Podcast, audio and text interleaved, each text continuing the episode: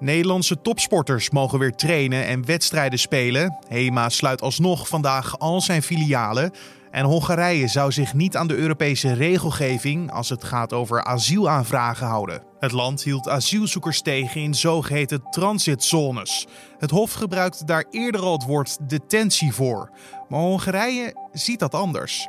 Dit wordt het nieuws. Ehm, dat heeft Hongarije altijd ontkend. Die heeft gezegd van nou, we houden mensen wel in die transitzone vast, maar ze mogen altijd weer terug naar Servië. Dus het is geen detentie in die zin. Vandaag doet het Europese Hof uitspraak over de zaak tegen het land. Een uitspraak die mogelijk ook vergaande gevolgen kan hebben voor andere Europese landen die te maken hebben met asielzoekers aan de grens.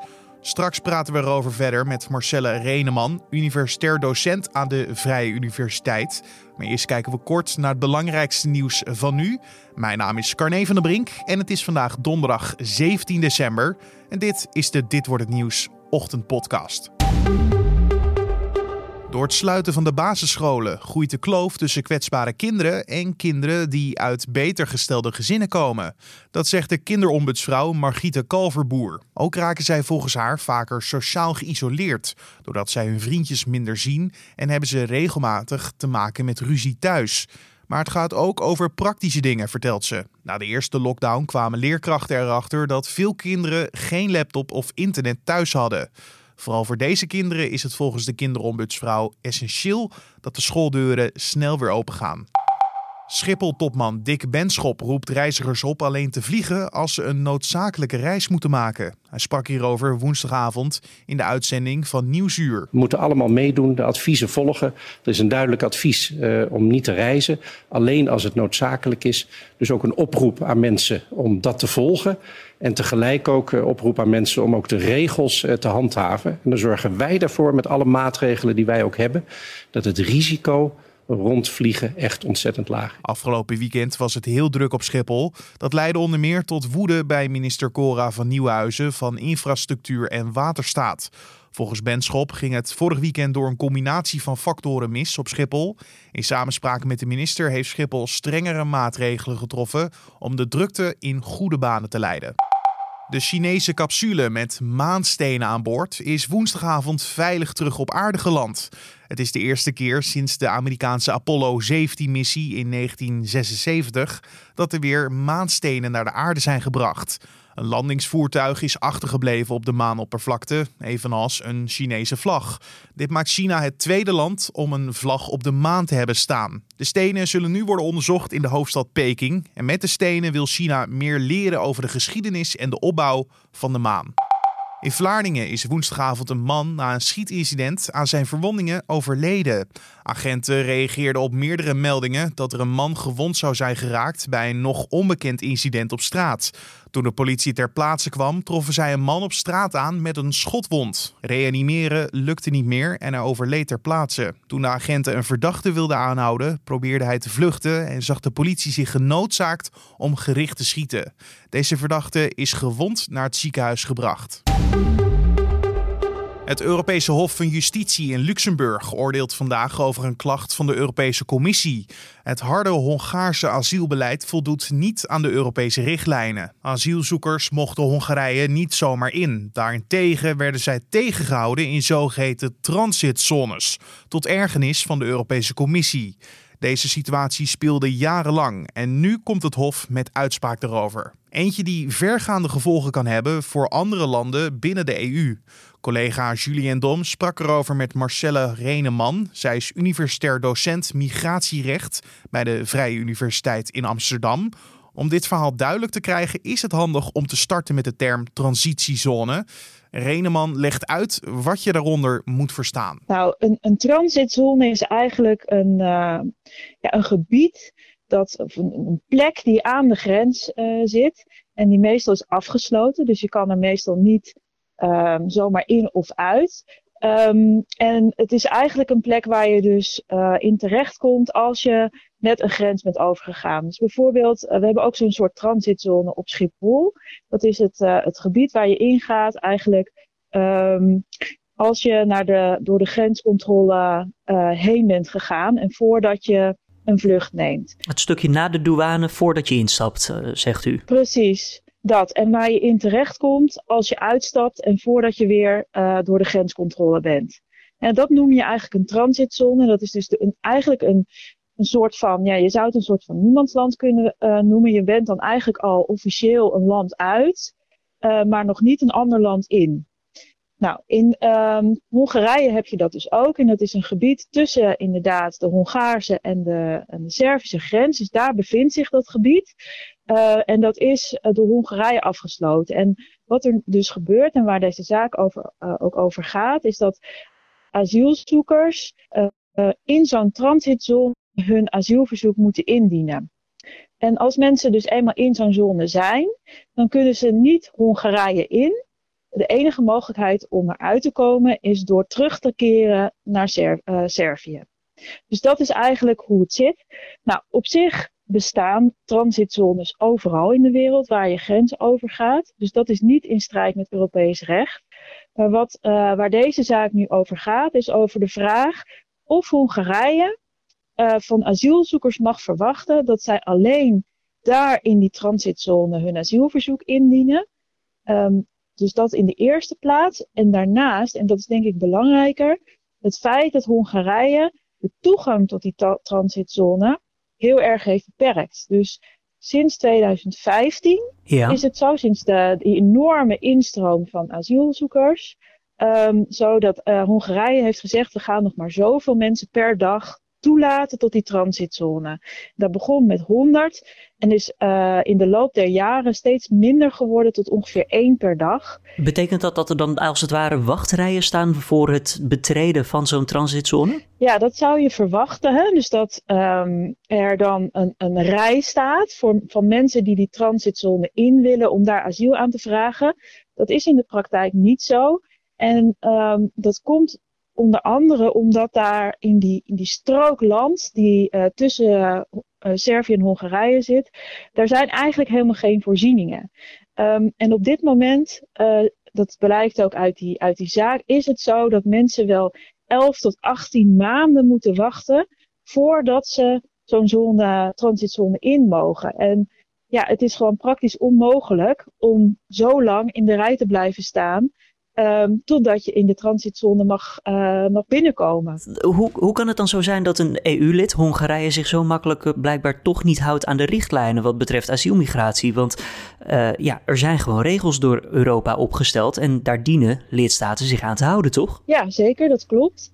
Um, dus in dit geval gaat het om het, uh, om het recht op toegang tot een asielprocedure, waar, uh, as he, waar de uitspraak over gaat en waar Hongarije zich waarschijnlijk niet aan houdt. U zegt waarschijnlijk, oftewel we praten hier over grijs gebied in de wet? Nou, in principe is het denk ik vrij duidelijk dat het Hof uh, donderdag die uitspraak zal doen, dat Hongarije zich er niet aan houdt. Maar de uitspraak is er natuurlijk nog niet, dus ik kan nu nog niet zeggen van dit wordt het zeker.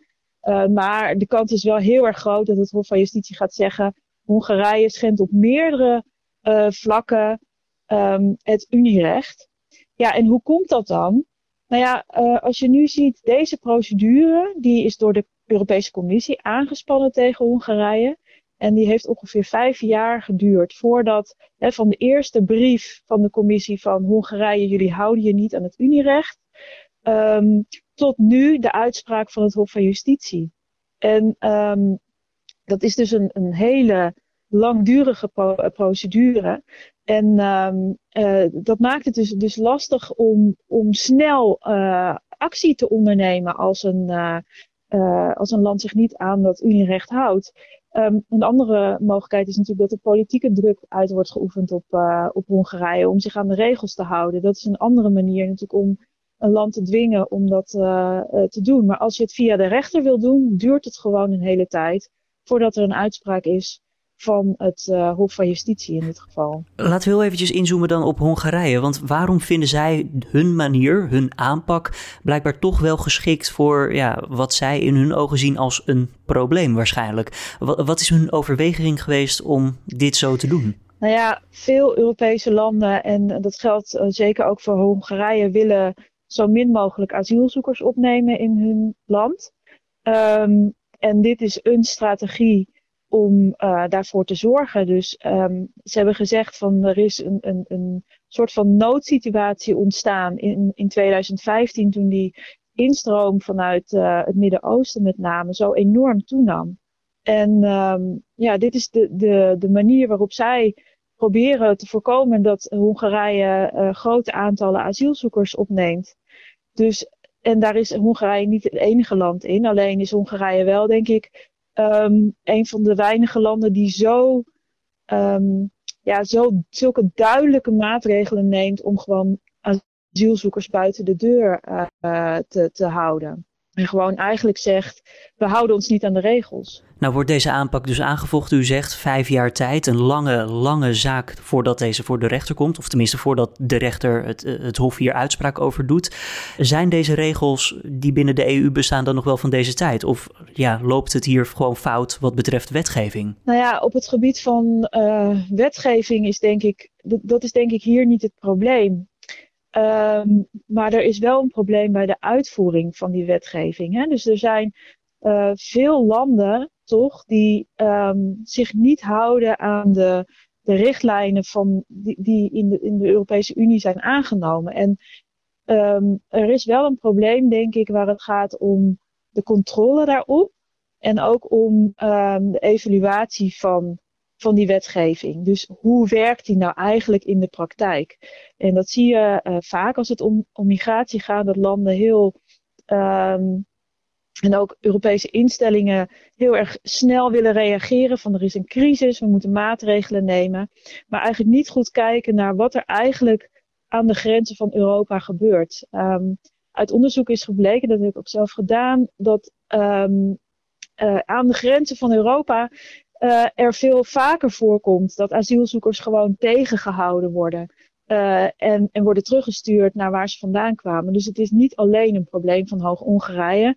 Er zijn ook uh, landen zoals um, nou, op de grens van Italië en Frankrijk, op de grens van Polen. Gebeurt het dat mensen worden, worden teruggestuurd naar het land waar zij vandaan kwamen, zonder dat zij toegang hebben gekregen tot de asielprocedure? In principe is dat, dat in het recht is toegang tot de asielprocedure is gegarandeerd. Alleen in de praktijk werkt dat niet zo uh, vaak. En, en daar is eigenlijk heel weinig controle op. En um, daar wordt ook weinig onderzoek naar gedaan door bijvoorbeeld de Europese Commissie. Ja, zoals u dus zegt, meerdere landen hebben hier zo hun ja, twijfels over, over wat zij aan moeten met deze asielmigratie. Uh, wat voor gevolgen kan deze uitspraak van het Hof nou hebben voor al deze landen en niet alleen Hongarije? Ja, er zitten wel een aantal uh, aspecten aan die aan, aan deze zaak die ook voor andere landen van belang is. Um, Eén ding is dat um, het Hof van Justitie al eerder heeft gezegd dat een situatie zoals nu uh, of aan de orde is in Hongarije, dat daar sprake is van detentie, dus het, het vasthouden van asielzoekers. Um, dat heeft Hongarije altijd ontkend. Die heeft gezegd van nou, we houden mensen wel in die transitzone vast, maar ze mogen altijd weer terug naar Servië. Dus het is geen detentie in die zin. Um, het Hof van Justitie heeft al eerder gezegd dat dat dus in dit geval wel zo is, omdat mensen eigenlijk geen reële kans hebben, ge, ja, geen reële keuze hebben om daadwerkelijk terug te keren naar, naar Servië. Dus ze zeggen eigenlijk er is detentie, er komen ook allerlei rechten bij kijken. Nou ja, dit soort vormen van, van onduidelijke situaties, waar, waarin nou, misschien wel sprake is van detenties, komen voor in veel meer landen in Europa. Dus um, bijvoorbeeld in Griekenland, waar mensen ook worden vastgezet op eilanden, uh, maar, maar ook in andere uh, delen van Europa. Dus dat is daarvoor van belang. Ja. Daarnaast zegt het Hof eigenlijk dat je mensen niet standaard bij binnenkomst mag, uh, mag vasthouden. En dat is bijvoorbeeld iets wat ook in Nederland gebeurt. We hebben een grensprocedure op Schiphol. En eigenlijk alle mensen die op Schiphol asiel aanvragen, worden in detentie gezet in um, ja, een justitieel complex op Schiphol. Um, daarvan zegt het Hof van Justitie eigenlijk dat kan niet. Je moet in elk individueel geval kijken of het echt nodig is om mensen in de, uh, te detineren. En gelukkig doen we dat in Nederland niet met kinderen, maar bijvoorbeeld wel met andere men voor andere mensen die eventueel kwetsbaar zijn omdat ze psychische problemen hebben. Of je komt dan in detentie in afwachting op je beoordeling ja. over die aanvraag. Ja, klopt. En voor Nederland kan dat dus ook. En dat zou dus moeten veranderen met de uitspraak van dit Hof? Dat zou kunnen, ja. ja. Marcelle Reneman was dat, universitair docent migratierecht bij de VU in Amsterdam. Mocht je nou meer willen lezen over dit soort grensprocedures, dat kan. Reneman heeft een blog met uitleg geschreven hierover op verblijfblog.nl. En dan de verdere nieuwsagenda voor vandaag. Topsporters in de topsportcompetities mogen vanaf vandaag weer trainen en wedstrijden spelen. Het gaat naast de selecte groep van ongeveer duizend profvoetballers, die de afgelopen weken al gewoon mochten trainen en spelen, om ongeveer 5000 topsporters uit overige sporten. Het betreft voor zowel mannen als vrouwen in hockey, basketbal, waterpolo en nog voor een hele lange lijst aan andere sporten. Winkelketen Hema sluit vanaf vandaag alsnog alle filialen. Eerder wilde Hema zijn winkels nog open houden voor eten en drinken en andere essentiële producten. Om ondersteuning te bieden aan supermarkten en drogisterijen. Ook andere ketens zoals Action zagen mogelijkheden om open te blijven met essentiële producten. Maar het kabinet paste daarop gisteren de regels aan. Adviseurs van het Amerikaanse medicijnagentschap FDA komen vandaag bijeen om te beoordelen of het coronavaccin van het Amerikaanse concern Moderna kan worden goedgekeurd voor gebruik in noodgevallen. Het FDA zei dinsdag dat er geen specifieke veiligheidsproblemen rond het vaccin zijn. Het is de bedoeling dat het Europese agentschap EMA op 12 januari uitsluitsel geeft over de toelating van het Moderna-vaccin op de Europese markt. En dan het weer. Het was toen ik naar de redactie eh, vanochtend ging koud en nat. Of het de hele dag zo zal zijn, dat vragen we aan Wilfred Jansen van Weerplaza. Met name in de oostelijke helft hebben we vanochtend nog met veel bewolking en ook wat regen of motregen te maken. Maar vanuit het westen wordt het op de meeste plaatsen droog met ook steeds meer ruimte voor de zon. Vanmiddag valt dan slechts nog een enkele bui. Veel stelt het allemaal niet voor. En de temperatuur komt opnieuw hoog uit met temperaturen in bijna heel het land in de dubbele cijfers. De wind waait uit het zuidwesten, is boven land overwegend matig van kracht. En langs de kust kan de wind af en toe nog krachtiger worden.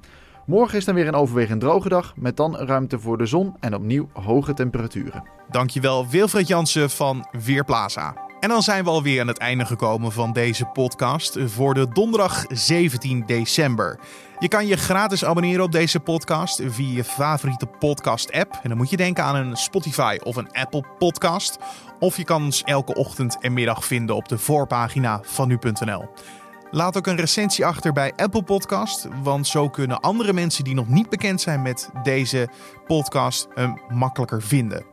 Mijn naam is Carne van der Brink. Bedankt voor het luisteren en voor nu een hele mooie dag.